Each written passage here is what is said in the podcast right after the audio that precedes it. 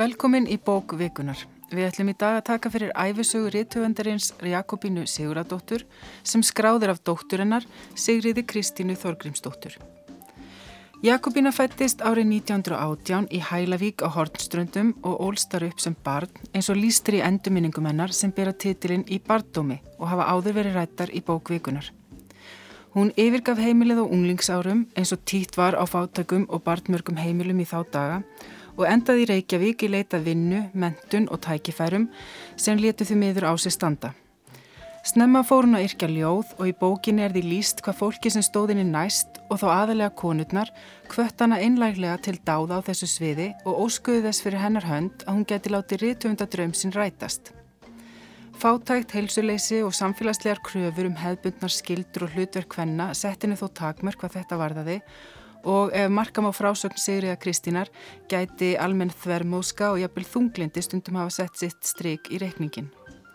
Í stað þess að taka þátt í bóheimlífi skálda í Reykjavík var Jakobína sem vinnukona í vist hér og þar og árið 1949 þegar Jakobín er þrítug ákveður hann að taka bónorðið Þorgrím Starra Björgvinssonar og gerast húsfreyja á bóndabæ í Mývasveit. Við tóku barnegnir og endalus húsverk við erfiðar heimilisaðstæður þar sem skriftir voru áfram helst stundar á nóttunni meðan aðri sváu. Þessar ytri aðstæður komu þó sem betur fyrir ekki veg fyrir að Jakobína yrði þjóðfræg fyrir ljóðsín og smásögur, rótækar stjórnmálaskoðanir en ekki síst skáldsögur. Ástráður Eisteinsson, profesor í bókmyndafræði, hefur líst í þannig að Jakobína sé í fremstu röð þeirra höfunda sem endur nýjuðu íslenska sagnagerð á 7. og 8. áratug 20. aldar og að skáldsaganar lifandi vatnið sé ein af likil skáldsögum íslensks mótenisma. Ástráður er einmitt gestur hér í dag á samt Gunnþórunni Guðmundsdóttur sem einnig er profesor í bókmyndafræði við Háskóli Íslands. Verið velkomin. Takk. Ástráður, þú hefur nýlega skrifað þarna grein í rétið tímarið hugvísindastofnunar Háskóli Íslands um höfundaverki Jakobínu og þú hefur kannski lengi haft dálæti á hennaverkum. Já, það, það hef ég nú haft allengi og skrifað um hana áður og um, og mér finnst hún uh, heillandi höfundur og, uh, og það er svona fyrir mér ákveðin uh, hérna, staðfesting á gildi en það er ég hef komið aðinni aftur eftir, oftar en einu sinni eftir einhverja ára hlið. Og, og, og hún endur nýja sig svo einhvern veginn í, í hugamanns, hún, hún lifir gegnum tíman og það er náttúrulega þessi prófstett sem að, sem að hérna, höfundar þurfa einhvern veginn að standast að hérna, textin er kveikur og, og, og maður lesa hann ekki eins á hérna, ólíkum tímum. Mm -hmm. Getur þú svona sagt okkur stöðlega frá hvað þú segir í þessari grein um höfundaverkið hennar? Úf, það er smart að segja hann en ég, sko, sko ég ræði náðins um ljóðagerðin til kannski, kannski fá að taka hann aðeins fyrir sérstaklega en, en varðandi, varðandi frásagnarverkin og þá þá já, einmitt ég lít svo á hún, hún endur nýji e, sagnagerðina eh, sé eina af þeim sem gera það. Hún gera mjög sérstaklega nátt venast að í smásögunum og þá, þá skrifar hún að byrja 23 smásögur alls og er, það er mynda mjög merkilegt spektrum, allt frá því að vera alveg hefðbundar smásögur í, í, í alveg stíl sem að þekkir frá fyrir hluta aldarinnar og miðbyggjaldarinnar yfir í, í mjög eh, tilrunakend verk og, og, og svo er hann með sögur sem eru lýrískar Uh, og, og alveg yfir í, í sögur, sögur sem eru sprengklægilegar eiginlega og, og koma mjög ekkert neina óvart með, með, með húmor, svona spröðlandi húmor mm. þannig að hún, er, hún uh, hefur mikla fjölhæfni í smáksona gerðinni en síðan í, í, í sömum sögunum þar og síðan í, skaldsögunum líka þá, þá kemur þessi, þessi endur nýjun sagnar sem ekki síst fram í því hvernig hún miðlar annars vegar samtölum og hins vegar hugsunum er hvernig hún brítur í raun og veru upp eins og sættir stundum að brjóta upp eða rýfur sögu þráðinn e, þennan hefðbundna og, og, og miðlar hugsunum og samtölum einnig á, á mjög sérstakann hátt mm. og sem að kalla á mér í aðtegli við lestur og, og þannig myndast, myndast ákveðin svebla í frásögninni Eh, sem að við eh, finnst mjög merkileg og þetta og lengst gengur hún svona nýjungum í, í lifandi vatninu þar sem, að, sem verður mjög brotakent saga af ímyndisum ástæðum ekki síst vegna þess hugar ástand sem hún leitast að miðla þar sem að hefðbundin frásögn á ekki við. Svolítið skemmtilegt hvernig hún lýsir því uh, hún hérna segir Kristín þegar hún er að skrifa þessa bók að hún bara verður að skrifa hana svona mm. og hérna hvernig þetta svona knýr á hana. Þetta er eitthvað verkefni sem tekur líka mikið á hana. Tekur á hana, hún er lengi að skrifa þessa bók og, og, og hún er gríðarlega mikilvæg fyrir hana. Hún, hún er að miðla ákveðinni reynslu af tímanum, af breyttu samfélagi og af því hvernig er að mótast sem manneskja á slíkum skilum. Mm. og þannig að hún fer alveg aftur í benskuna hvernig, hvernig hérna, aðal personan eh, mótast, það byrjar strax að, að, að, að lundarfarið mótast og, og, og þetta sér maður eftir sem að lesa þessa bóka áttur að sér maður hvað hann hefur lagt gríðarlega mikið í einhvern veginn æfiferilin að láta hann koma fram í, í öllum þessum brotum sem að engjana samt þessar sögu. Það með líka áhugavert hvernig svona tekur fram líka að það kannski skipta hana ekki öllum máli, hún vissi að þetta er kannski svolítið erfið bók fyrir lesendur mm. en það bara skipta hana svo miklu máli að skrifa hana eins og hún vildi gera það þannig að þetta hefur verið svona kníjandi verkefni Já. en þú myndist aðeins á ljóðin og hérna það er nú kannski eh, í þessari bók þá, eh, hún talar svona um það mitt Sigriði Kristína að hérna Jakobína hafi sagt svona setna að ljóðin væri svona ekki það helsta, hún svona einhvern veginn vildi freka fókusera á á prófsonu, hún er ekki alveg sammála móðu sinni Nei. þar sko, henni finnst hann að vera sko, hérna einhvern veginn eh, já, ekki alveg mm. sannleikan sangand hvað segir þú um það? Ljóðin þau eru náttúrulega líka mjög mikilvæg. Jú, þau eru það og þau eru, sko, þar fær maður líka eh, sko, þau eru, hún er með, með eh, svona sterkar rætur í hefðinni þar og, og heldur sig svona mestuleiti við, við háttbundna uh, ljóðlist og en, en hún gerir það mjög lifandi hátt og, og, og og það, það er mjög aðtilsvert að það, það hérna, eru komaði sög í bókinni eh, og, og, og Sigriður Kristinn drefur fram tengslennar við, við þrjú ljóðskáld sem eru sem eru mjög samferða í raun og veru. Það, það er Þorstein Valdimarsson sem er góðvinnurinnar og það reyndar alveg stórkosli mynd af, af honum og henni hér í bókinni. Mm -hmm. uh, og Kristján frá Djúbalæk og Jónasur Köllum í raunum veru er hún sem ljóðskáld mjög samferða þessum þremur karlskáldum og, og, eh, og hérna eh, í raunum veru er, er hefðbundnæri þar að leiðandi heldur en kannski ljóðskáld ímis önnur sem fóru síðan að yrkja meðan á, henn, meðan á hennar reittferðli stóð. Og þessum er aðtilsvert allir þegar, þegar hún kynnist þegar hún kynnist í Jóhannes og Köllum að, að þá lýsir henn yfir mikill hrifninga og hennar verkum. En, en segist ekki skilja eins og hér segir í bókinni dálæti hennar á Guðbyrgi Bergsinni sem þá er nýbúin að gefa Tómas Jónsson meðsölubók sem Bína er hrifin af. Og, og, og, og þarna, verða, þarna sé maður skilin á milli þeirra. Jóns Köllin sem samt var að mörguleiti gerði mikill endur nýja sér sem löðskald hann bara botnar ekki í hvað Guðbergur er að gera þarna. Mm. en hún er hins vegar alveg með á nótónum og, og, hérna, og þetta er, er svona hlut, sínir hvert kvílikan skilningun hafði á, á þessari endun í, í sagnagerðinni að, að það þyrti að minnskvæmstöðurinn þræði þó, þó, að, þó að það þetta ekki að loka neinum dyrum en það þetta opna nýjar mm. Fyrst þetta skila sér vel í þessari bók? Sko, þessi atriði skila sér mjög vel mm. og, og þetta það er mjög og raun og veru hefði maður vilja að fá meira af, af slíkum vittnisspurði um, um samskipti ennar við, við önnur skáld mm.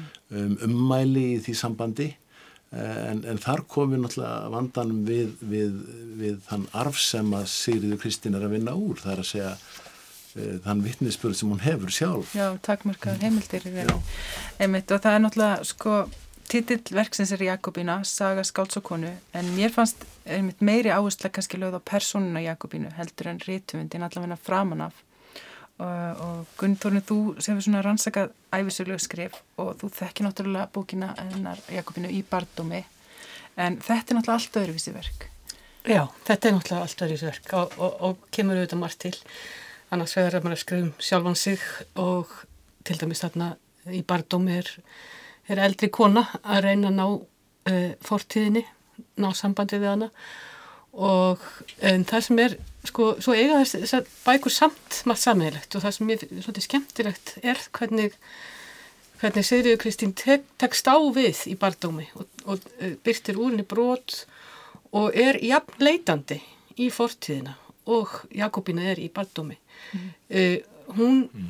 Sigriður Kristín er að tala um að hann vati heimildir og brefin öll sem hafa verið brend og dagbækurnar og svo framvegis og Jakobín er að tala um minnið sem er horfið og hvernig hún reynir að endurbyggja það með, hérna, með því að ímynda sér uh, húsakynnin og það er enda sko, þetta er ósvæmlega skemmtileg aðferð fyrir svona e, minni spekulanta því að staður og minni eru svo nátengt fyrir bæri og, mm. og fólk hefur náttúrulega notað hús sem svona minnis uh, hérna, hjálpargagn, svona minnishallir til þess að uh, hérna, munna eftir til dæmis uh, ákveðnum fræðum eða bókum eða eitthvað slíkt nema þarna reynur hún að ná fórtíðinu og það er mjög skemmtilegt hvernig hún færir sig á milli húsa kynna sko, hún færir sig á úr hérna eldúsi yfir í baðstofu og svo framvegs og reynir að sjá hvað varðar og mistek stundum mm. en þá svo kvikna svona lítil atvik og myndir mm.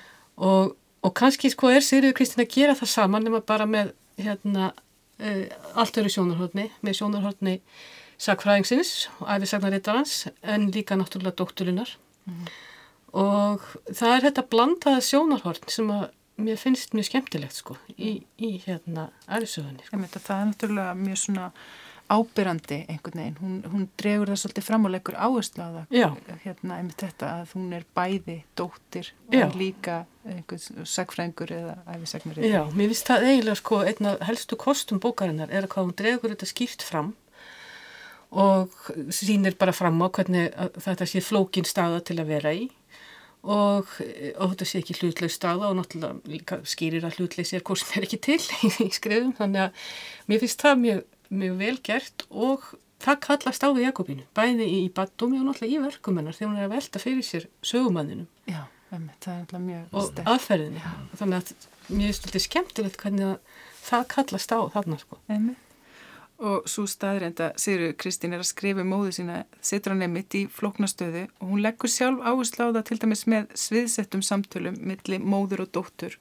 Og við skulum heyra hvað hún sagði um þá kapla í viðtali við Eirik Guðmundsson í Víðsjá þetta er um, kannski ekki alveg glæni aðferð þannig, það hefur alveg þekst að, að sagfræðingar, ég hef fundið dæmum það að, að sagfræðingur sem að var að skrifa um einhverja personur átti smá samtal við personurnar. Já. Ég reyndar það rak nú ekki fjörum mínar fyrir en eftir ég var farin að skrifa þetta þannig að ég var ekki með neina fyrirmynd þannig, hins vegar viss, viss ég vel að það er glíma sagfræðingsins við það að vera að byrta svona personulegar heimildir, sendi bref og annað sem að fólk skrifa kannski brendu brefið Þannig að það er svona, það er ákveðin glíma í gangi hjá okkur sem við erum að fást við heimildar af þessu tægi og ég tala náttúrulega um þegar það er maður eigin móðir sem á í hlut. Þannig að, þannig að, að ég ímyndaði mér svona mamma verandi þessi prívatpersona sem hún var og, og, og, og svo þetta að, að ég er að byrta svona hluti sem hún kannski ætlaðist ekki til að færa á prent. Að þá fann ég eiginlega þessa leið til að glýma við samviskuna að eiga þessi samtöl við hana í gegnum bókina. Hér talaði Sigriður Kristín Þorgrimsdóttir um bók sína Jakobína, Saga skálds og konu. Þessir skálduðu samtalskablar koma fram við og við í bókinu og bæði upphafennur að endi. Uh, Gunnþorun, svona samtöl æfisagnarítara við viðfóngsín í kannski einni annari mynd, er, er þau kannski algengt enginu og svona sögum? Já, þetta hefur alveg týðkast og, og sumir ganga hérna lengur í, lengra í þessu en aðri, sko. Mm. Það eru frægar hérna sögur Pítur Ackroyds til dæmis af, af Dickens og Blake, minnum mig, þar sem hann á í langar samræður við, við þá. Þannig að þetta er bara alveg, alveg fyrirbæri sem er til. Um, þetta er náttúrulega líka eitthvað sem er viðkvæmt, finnst mér. Þetta getur orðið, sko, tilgjæðarlegt og, og getur orðið einhvern veginn já, sko svona einhvern svona augljós uh, tilneyðing æfisagnarítarans til að verða að einhvern veginn personinni sem hann er að skrifa um eins og stundum mm. gerist. Uh, en hérna, mér finnst þetta að takast mjög vel þarna og af því að hún, það sem hún er náttúrulega er að reyna mjög mikið gegnum alla bókina, það er að gefa móðusni rödd. Og þarna, þar sem hún veit að hún er að gera eitthvað sem hún hefði alls ekki kert sum, að þá gefur hún henni þetta, þetta ansvar jafnvel þó hún brjóti síðan hérna lofurðinu og byrti þessa hluti og segi mm. frá að þá, þá hefur samt sko, eh, þá er þessi tón frá Jakobínu mjög sterkur í gegnum þessi samtöl. Það er náttúrulega af því að hún er dóttirinn þá náttúrulega þekkir hún náttúrulega svo vel röttinar þannig að maður svona eiginlega trúir því að þú veist Já, þetta já. sé svona mjög sannfærandi í rauninni tilsvör í hennar anda í manni finnst sko þessi samtala átt sér stað og líka því að þetta er ekkit ofnótað Já, þetta kemur á ákveðnum köplum sem að hérna, ganga samanlega við. þessu Já, ástæður? ég, ég, mér brá svolítið þegar, þegar ég sagði þetta þarna fyrsta og, og svona, eh, mér fannst svona þetta vera ákveðið hættuspil en svo vinnur hún mjög vel úr þessu og það er ákveðin svona drift og, og einmitt samfæring í þessum samtölum og, og það er hérna hún og hún sviðsetur náttúrulega sko ákveðið kynnslóðabil líka eh, og, og hérna og það er og dregur fram ólík sjónarmið og það, það, er áhugaverðar samræður hún, hún veit náttúrulega um afstöðum áður sinna til meðal annars til þess að veita upplýsingar um, um ímislegt og, og þá segir hún sjálf já en, en eh, hérna ég lif á tímum þar sem að sko þykir bara sjálfsagt að, að, bara stíga fram og segja hlutina hreint út og, og, þá, þá segir Jakobín að ég kæri mig ekki um að lifa slíkum tímum. Og svo, svona gengur að þetta er hérna, og þetta verður, þetta, mér finnst þetta skemmtilegu þáttur í, í hérna í sögunni og, og, og hefði ekki viljað missa af, honum. Hún notar, já, hún notar þetta á svona svolítið kannski góðan hátt til að draga fram alls konar vandamál sem að koma fram Mm. þegar maður er að skrifa. Já, einmitt, þetta er svona metaparturinn í, í, í sögurnu svolítið. Þar sem hún einmitt drefur fram þessi siðferðislegu vandamál sem að náttúrulega e, koma upp og hún, hún býr til díalóg sem er mikilvægur í, í texta til þess að maður svona, til að lifni við. Já, e, og svo líka þess mér fyrst um gera eins og ástæður segir með, með þetta kynnslóðbil sem að auðvitað er í svona svolítið kjarni verksins á okkur leiti að þá sýnir hún samt fram á allar þessar sko að þe- þessi kynsla var einhvern veginn ekki einsleit þetta fólk var ekki allt eins með sömu skoðaninnar og mér finnst hún draga það mjög vel fram og líka bara uh, Jakobína sjálf sem hérna húsmóðurinn mm. alla þessa tíð en um leið konan sem að hafi litla trú á hjónabandinu. Þannig að mér finnst þetta og eins þetta er konan sem vildi ekki byrta um sinn prívat mál en skrifar um þau ljóð og mögulega skálsugur þannig að allar þessar mótsagnir koma mjög, finnst mér mjög vel fram í verkinu og það er ekki reynd að leysa á einhvern einfaldan hátt og segja bara hér er, hérna, hérna er bara lausnin á, á þessu öllu saman. mm, nei, einmitt, við erum öll svolítið flókin kannski. Já, aðeins flóknara heldur en einhver svona eh, kannski aldurshugsun og ímislegt fleira segir til um sko. En það er ónefndalega ekki auðvelt fyrir fólk sem að er að grúska mikið í bókvendum að lesa, lesa það hvernig, hvernig gögnum hefur verið fargað þarna.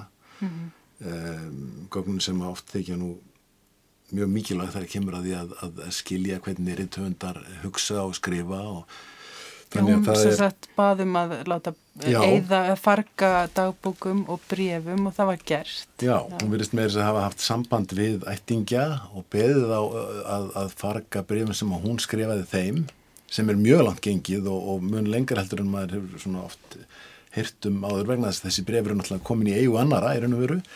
Uh, en, en síðan uh, finnst mér náttúrulega þetta með dagbækunar vera það er, það er bara eiginlega sorglegt að, að, en hún kannski lofar að gera þetta og brennir, brennir dagbækur Jakobínu um, uh, og listar ekki einu sinni fyrst, það lítur ekki í þær. Og það er náttúrulega oft í dagbókum sem að, sem að er mjög margt nýsilegt uh, um, um glímuritöfundarins við tilvöruna við skrifin vanga veldur um hvaða leiðir er að fara og, og svo framvegis. Þetta, þetta þekkjum við Gunnþóru náttúrulega mjög vel úr, uh, úr bókbendafræðinni og hérna þeim þessar, mér fannst svona, ábrendi allir þessar eyður og það er náttúrulega eyður í æfinar. það er gríðarlega reyður Og þarna þegar hún fer til Reykjavíkur sem unglingur, það er þá sem er er mjög lítið vitað um það.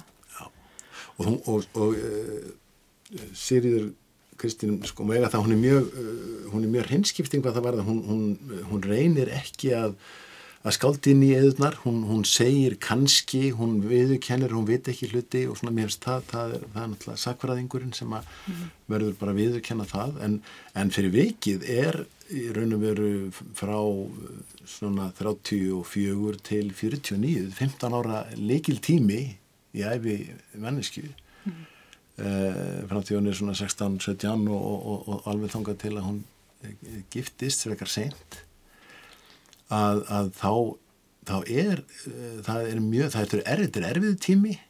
Hún, hérna, höfundurinn dótturinnar hefur ymsan vittnesbörð, það er talað um, um þetta sé eiginlega skamdi í æfinnar eins og það er orðað eins og það sé mikil vannlíðan, það sé þessu ástamál sem, að, sem er ekkert síðan vitum, ég vil forbóðin ást eins og segir á einum stað og, og, og lundarfarið hefur oft svona verið frekar daburlegt greinlega á þessum tíma. Uh, og, og þessum tíma hefur hún samt, er hún samt verið að skrifa, hún byrti tölvöld að ljóðum. En það kemur líka fram að hún hefur fargað ímsu sjálf. Mm. og og þarna til dæmis virðist hún hafa fargað uh, hérna, skáldsagna handritum og ymsu og það gerir höfundar náttúrulega leðulega mm. en, að, en, að, en að það sé ekki að það reykja slóð höfund alminlega í, í, miðja 2000-öld það er mjög sérst að henni tekist eiginlega að hilja slóð sína alveg ótrúlega vel. Já, það er mjög verkilegt að henni takist sko að láta sig hverfa. Mm. og jafnvel þannig í lýsingunum á þessum vetrinnar, fyrsta Já. vetri í Reykjavík þar sem að frænkurinnar sjá hann ekki einu sinni viti ekki á henni.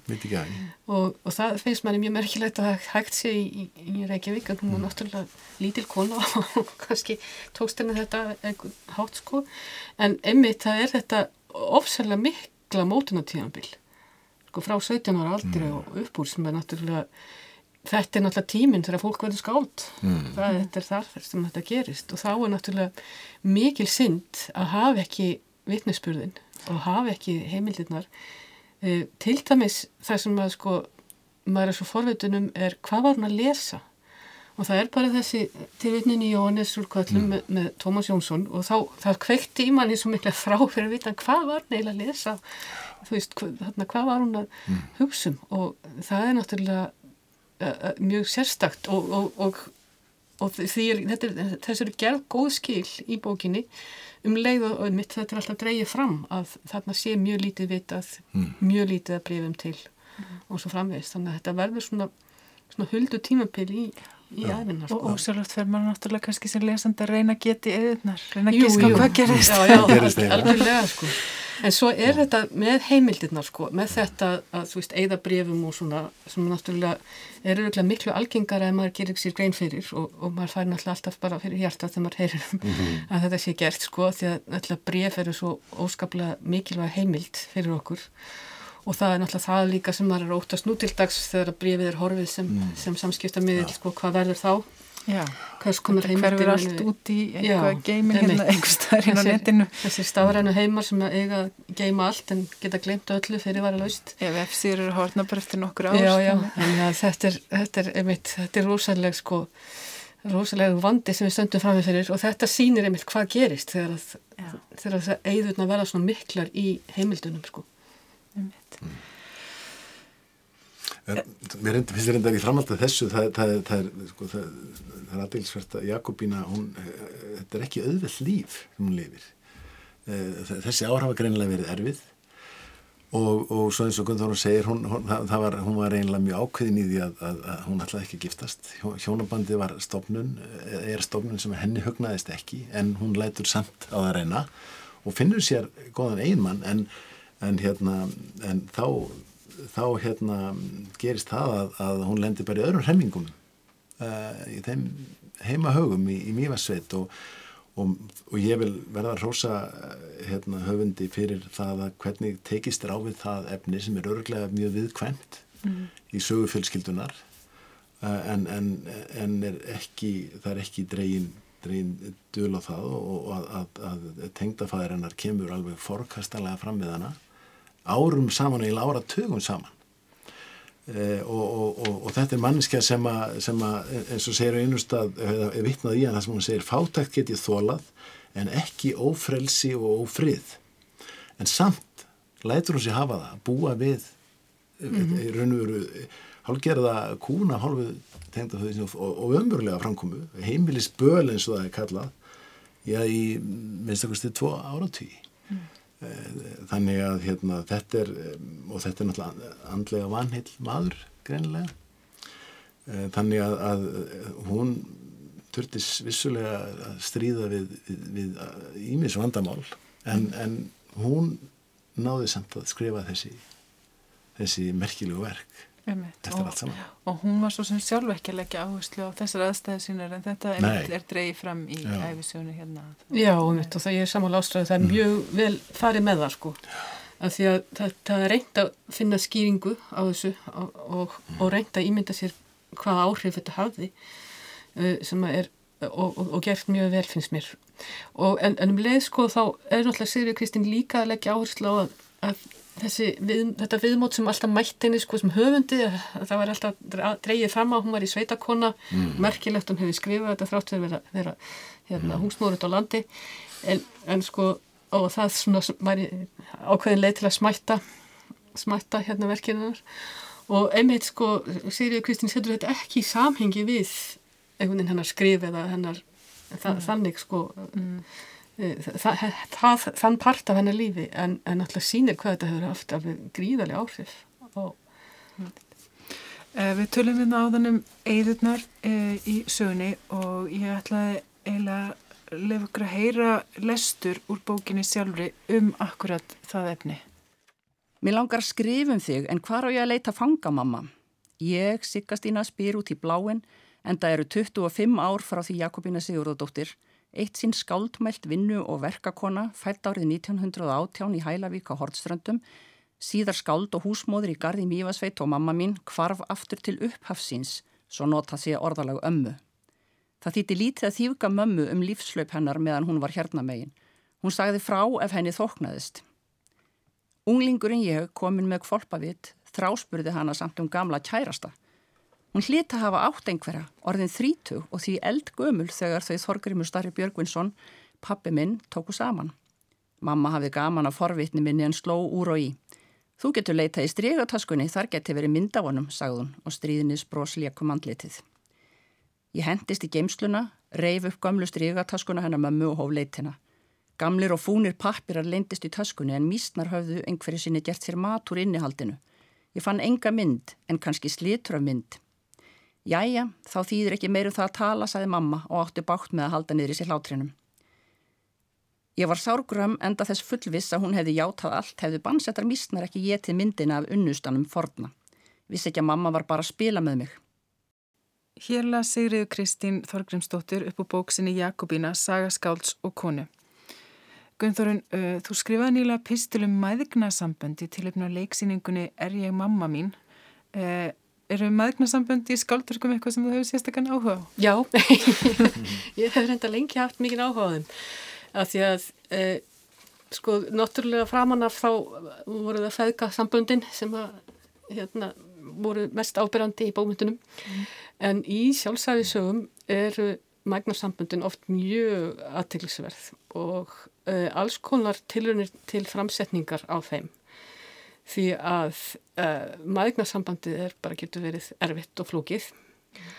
og það sem ég var að fjalla í mjög sem pysli er ekki síst sko þegar kynnslóðbilið er svona mikið þegar í þessum bylgjum af feminisma sem við höfum upplifað að aðstæður okkar eru svo gjur ólíkar aðstæðum formaður á okkar að það, það myndar ákvæmna tókstreitu í hérna, maðurnarsambandum eða getur gert og þess vegna hef ég haft mikið áhuga þessu og og það er oft sko, maður sér oft að þetta er svona konur sem er að skrifa mæður sínar eru stundum að reyna að slíta sig frá þeim og það svona fjallar um þessu tilhörun til að frelsast frá móður sinni og koma svo kannski til hennar aftur síðar. En af því að þetta verk fjallar ekki um uh, tilfinningar höfundarins mikið til móður sinnar, heldur fyrst og fremst um hana sem, sem svona personu, að þá er það svolítið eðlis ólíkt. Um, það sem er samt þannig að augljóst, það eru þetta, þetta mikla hérna, kynnslóðbil og þessar breytingar sem verða. Og þær eru raun og veru dregna fram líka bara í hérna, í hérna innan sko þessar sískinahóps Jakobinu eins og Fríða á sýstirinnar sem er svo miklu yngri að sem á allt öðruvísi aðganga mentun og svo framvegis. Mm. þannig að það er strax þá er komið bara þessi, þessi gjá þarna á milli. Og þegar vorum að tala með um þessi tíndu árinnar og þessi ár sem eru svona erfiðgænilega uh, að það eru árin sem að sko mentunar draumurinn týnist og hverfur og verður aldrei að veruleika og, og það, uh, það er svona eitt af því sem er svona mjög aðteglisvert í verkinu. Uh, það er líka, finnst manni hún alltaf bendir á Sigriður Kristín ákveðin á svona sko afneitun, það sem var ekki talað um í sveitinni. Það var til dæmis ekki talað um einelti, það var ekki talað um, um, um hvernig henni raunverulega leið í skólanum og svo framvegs. Mm. Þannig að hún dregur það líka fram hvernig, hvernig þessi þögn og glemska og þögn og útilókun, hvernig hún getur náttúrulega haft áhrif svo innan sambanda. Náttúrulega, Sigurður Kristinn, hún hefur skrifað sjálfsæfisögulegt verk líka, alla mína stelpu spila tíð og þar uh, talar hún svona meira út frá sér.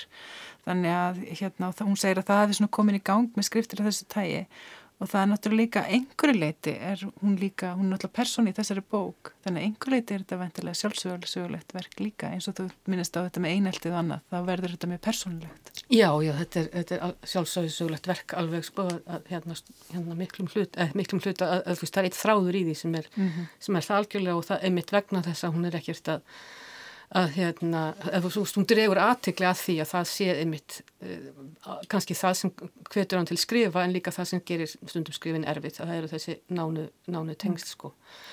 Og, og það er, mér finnst þetta ofta aðtöklisvægt að sjá það, hvernig sko fólk gerir til um til að skrifa um fólkdreysina til alls konar leiðir. Til dæmis breski hérna sagfræðingurinn Ronald Fraser sem skrifaði um fóröldra sína og Hann gerði það með því að einum hluta var þetta svona munleg geimt, munleg hérna, söguleg rannsókn sem hann fór í og talaði við þjónustu fólkið á heimili fólkið sinna og hins vegar var þetta síkoanalýsa hans sjálfs og það var svona einhver leið til að hérna, búa til einhverja mynda fóröldum sínum. Þannig að það er til alls konar leiðir og mér finnst þetta aðtæklusverð leið sem hún fer í þessu mm. að blanda þessu svona saman. Var þetta meðgnarsamband eitthvað sem þú velti fyrir áströðu? Já, vissulega og ég, hérna, mér finnst hún vinna úr því mjög vel og, og eins og ég sagði aðan á hrinskiptin hátt hún, hún, hún hérna til dæmis segir að hún hefði lengi vel ekkert verið í mjög virku sambandið móðu sína, hún, hún, áttast að því eftir á sko að hún var bara var að skemta sér og, í Reykjavík og, og var áttast ekkert á því að, að móðurinnar var eitthvað staðar í, í bókmynda erindum ellendis og það er ekki fyrir svolítið, hún segir sjálf að það er eitthvað sent að hún áttast sér á því að, og fær hann brennandi áhuga. Og þetta er svona munstur sem kemur mjög oft fram í svona frásög sko að þú, mm. þú fjarlægist hann og svo er hún verður hérna eldri uh, og það er sko eiginlega heil, heil tegund af bókmyndunum fjallum það þegar fóreldrar er annarkort og glemnir eða, eða látnir að þá byrjar allar áhugin en þá vantar allar heimildunar mm. og þá er verður spurningin alltaf af hverju spurði ég ekki fyrr. Og svo, en þetta kemur síðan í ákveðni andstæðu við maðgnarsamband sko Jakobínu og móður hennar Stefáníu þessum við kallum stelpa held ég alltaf í, í bókinni að því að þær eru raun og veru nánar alveg alla tíð og samfelt mm -hmm. og hérna og, og í miklu sambandi en, en, en eru samt mjög ólíkar. Þannig að þar fáum við að, aðra gerði eiginlega af þessu, þessu magna sambandi og, og hérna e, og Jakobína náttúrulega augljóslega e, hún, hún er elsta batnið og lendir í því náttúrulega lendir í heimilistörfum eins og elsta batningi og hjálpa til við aðalega krakkan upp og hún, hún ætlaði sér ekki að fara þessa lið Þó, og samt er hún í og er hún í mjög jákvæð og góðu sambandi við báða fóröldar sína og, og, það, e, og því er náttúrulega líst e, mjög endislega í, í, í hérna í hennar hérna, einn sjálfsæfis og minningum e, Jakobínu mm -hmm. í Bardómi og hérna en, en og, og það, eitt af því sem kemur síðan uh, framvarandi umhverfi þessara ólíku sambanda er að hún fer náttúrulega að sakna þessara sterku fjölskyldu uh, banda sem að hún ólst upp við uh, í Nýmasveit og þetta er dreyið fram einnig af mikillir henskiptni er raun og veru Sýriður Kristinn, hún, hún greinir einlega andrunsloftið og, og samfélagsgerðina í Mývasveit á mjög aðtilsaran hátt. En hún er, sko, hún er, er, er einhvern veginn þannig að, að Jakobína eiginlega einangrast þarna mjög mm. lengi, eiginlega... Bara lókast inn á heimilinu. Já, eiginlega ára tíu og, og, og, og ef maður hugsaður um það hversu skapandi manneskja þetta er, þá, þá er þetta alltaf dagbúlegt og hún segir sjálf einhvern tímanpunti, eh, þegar hún er búin að vera þarna í, mann ekki hvað, 15-20 ár, ég á, ég á enga góða vinkonu á sveðinu. Mm -hmm. Þannig að þessar brefaskrifti, þær verða peimun mikið veri en, en, en svo eignast náttúrulega sín börn og það, það, hún sumleiti endur skapar náttúrulega sín bara þessa, þessi sterku fjölskyldubönd og það er, það er augljóst að, að, að þó hún sé sjálf með sektarkendi yfir sko móðurhlutverkinu þá er henni verið engin ástæða fyrir því sinnir því greinilega mikill alúð. Einmitt. og hún eh, sko hún virðist eh, einmitt í þessari frásög dótturinnar eh, þá virðist hún sáttar við að vera mamma heldur en kannski að vera eiginkona þegar hún ánáttúrulega einhverju tókstötu við þessu hefðbundinu kvennhlutverk bara yfir höfuð. Það setur hún líka ákveðna skorður sem rítumundir Já það er náttúrulega alveg augljóst og kemur, kemur mjög skýrt fram. Um, mér varst sko skemmtilegt við það hvernig, sko, hvernig ljóðin eru byrkt hérna, með fram tekstanum af því að ég þekki þau mjög lítið og, og hérna, fannst mjög gaman að sjá þau. Og, og einmitt ljóðun sem hún yrkir til barnana sinna eru mjög svona, merkileg og, og e, lýsa náttúrulega hefböndum sko, móðurtilfinningum en líka alls konar sko, hræðslu við utan að koma til hættur og svo framvegis. Eh, en, en, en gera það einhvern veginn e, svona, eh, gefa manni aðra mynd af henni sem móður til dæmis. Mm -hmm. Uh, við höfum eins og þetta tala mikið um aðferðir Sigriðar Kristina við að segja sögumóðu sinnar uh, en ef við förum aðeins svona út í það sem kemur fram þá dregur hún náttúrulega fram mynd af personunni Jakobínu og hún náttúrulega sem dóttur hennar hefur auðvitað náinn kynni af henni. Og svo lýsir hún líka hvernig hún byggir upp ferilsins er réttöfundur og hvað var það verk Jakobínu, hún lýsir þeim mörgum Uh, hún vitna líka mikið skrif annar um verkin og mér fannst eiginlega í seinustu köflunum hún var næstum komið svona yfirliti verið viðtökusögu á bókunum. Við hafum svo mm. mikið hérna, verið að segja frá hvernig uh, eh, rittdómar voru og hvernig þeim var tekið. Um, og hérna hún hefur náttúrulega kannski Jakobin hefur undarfæri eins og margar uh, konur sem hafa skrifað og kannski ekki síst í kringum 100 ára fæðingarafmæleina árið 2018 þá hefur náttúrulega fengið aukna aðtegli það hefur svona verið að beina meira sjónum að henni en Sigriður Kristín, hún verðist telja hún eigi ímisleitt inni og hún sagði einmitt í viðtalni í Vísjá að hún vildi halda minningunur lofti og að hún svona vildi, var kannski ekki sátt við alltaf hvernig hún væri skilgreynd innan bókmyndasögunar og hérna hvernig er talaði um hennar verk og svo framvegis. Uh, hvað hafið þið að segja um sögu Jakobinu inn, um stöðu Jakobinu innan íslenskar bókmyndahefðar og svona hérna einmitt, er þið sammála því hún hafi kannski ekki alltaf verið notið sannmælis? Já, sko, uh, þetta er náttúrulega svo begja bland, sko. Uh, maður sér það náttúrulega á þessari fínu viðtökusögu mitt sem kemur hérna fram að það var mikið skrifað um hana, mm. oftast þegar verkinn hann kom út og, þá náttúrulega sér maður munin á, á, á þeim fjölmjöla umhverfi og núna þarna var gænlega þetta bara að reikna með að kemur minst fjóri til fimm reitdómar um allar bækur, það er vist liðin tíð e, og auðvitað einhver leiti þá hefur hún þurft að hérna, gælda fyrir kaldastriðs hérna, skotgrafinnar e, og eins og margir höfundar sem voru að skrifa þessum tíma og þegar pólitíkinn fór að hérna, tók yfir alla umræðina eiginlega. En, en mér finnst sko núna bara fólk er að skoðan og lesa hana og, og hefur áhuga á henni og, og hérna mér finnst til dæmis skemmtilegt að sjá eins og það sem Daisy Nyman hefur verið að skoða í sambandi við snöruna um hvernig þetta sé lýsing á sálarnu tráma sem er svolítið öðruvísi heldur en sko fyrir tólkanir á þeirri sögu sko mm. þannig að mér finnst, mér finnst hún sko en við, þetta er náttúrulega svo lítill heimur að það er erfitt að segja einhverja ákveðna línur síðu alltaf í gangi en, en, en, en hérna mér finnst það áhuga á henni mm -hmm.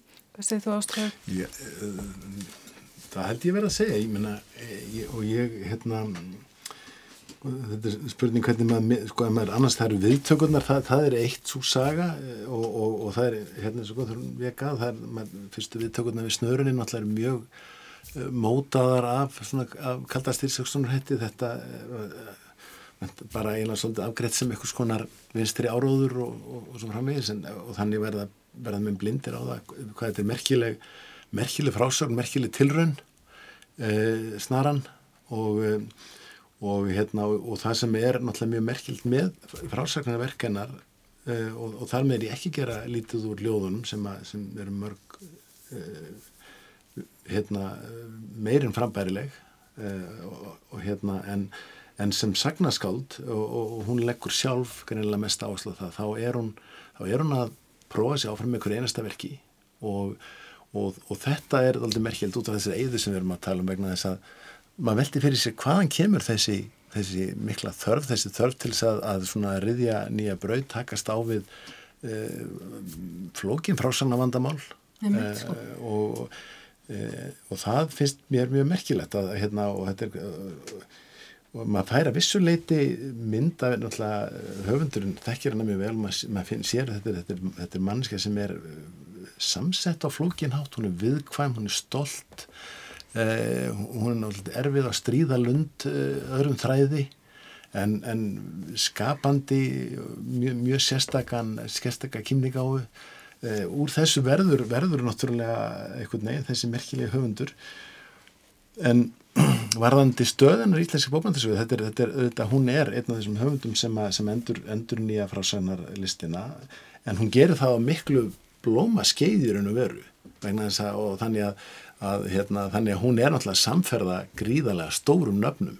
Að Tór Viljámsson og Guðbergur Bergson eru höfundandi sem er að, er að skrifa á sama tíma og, og, og náttúrulega miklu afkasta meiri Steinar Sigur Jónsson náttúrulega búin að vera all, all lengi Þorstendur Hamrim í sína skáldsjór og svo náttúrulega Svafa Jakobsdóttir. Þetta er engin smáraðis hópur sem, a, sem a, hérna, er virkur á þessum árum en hún stendur algjörlega fyrir sínu í þessum hópi. Ekki nokkuð á því. Uh, ég held að við verðum að uh, láta það vera loka orðin uh, að þessi sinni. Uh, þar með líkur þessum þættum bókvikunar sem var Jakobína, Saga Skálds og konu og ég þakka gestum mínum Ástráði Eistinsinni og Gunnþórinu Guðmustóttur sem bæður professorar í almennir bókmyndafræði við Háskóla Íslands. Hlustendur geta hlusta á viðtel við höfund á upplestrar bókvikunar á heimasíðu þáttarins rú.is skástrygg bókvikunar og þá má einni koma með spurningur og aðtöðsendur um bókvikunar inn á Facebook síðu þáttarins. Verið sæl.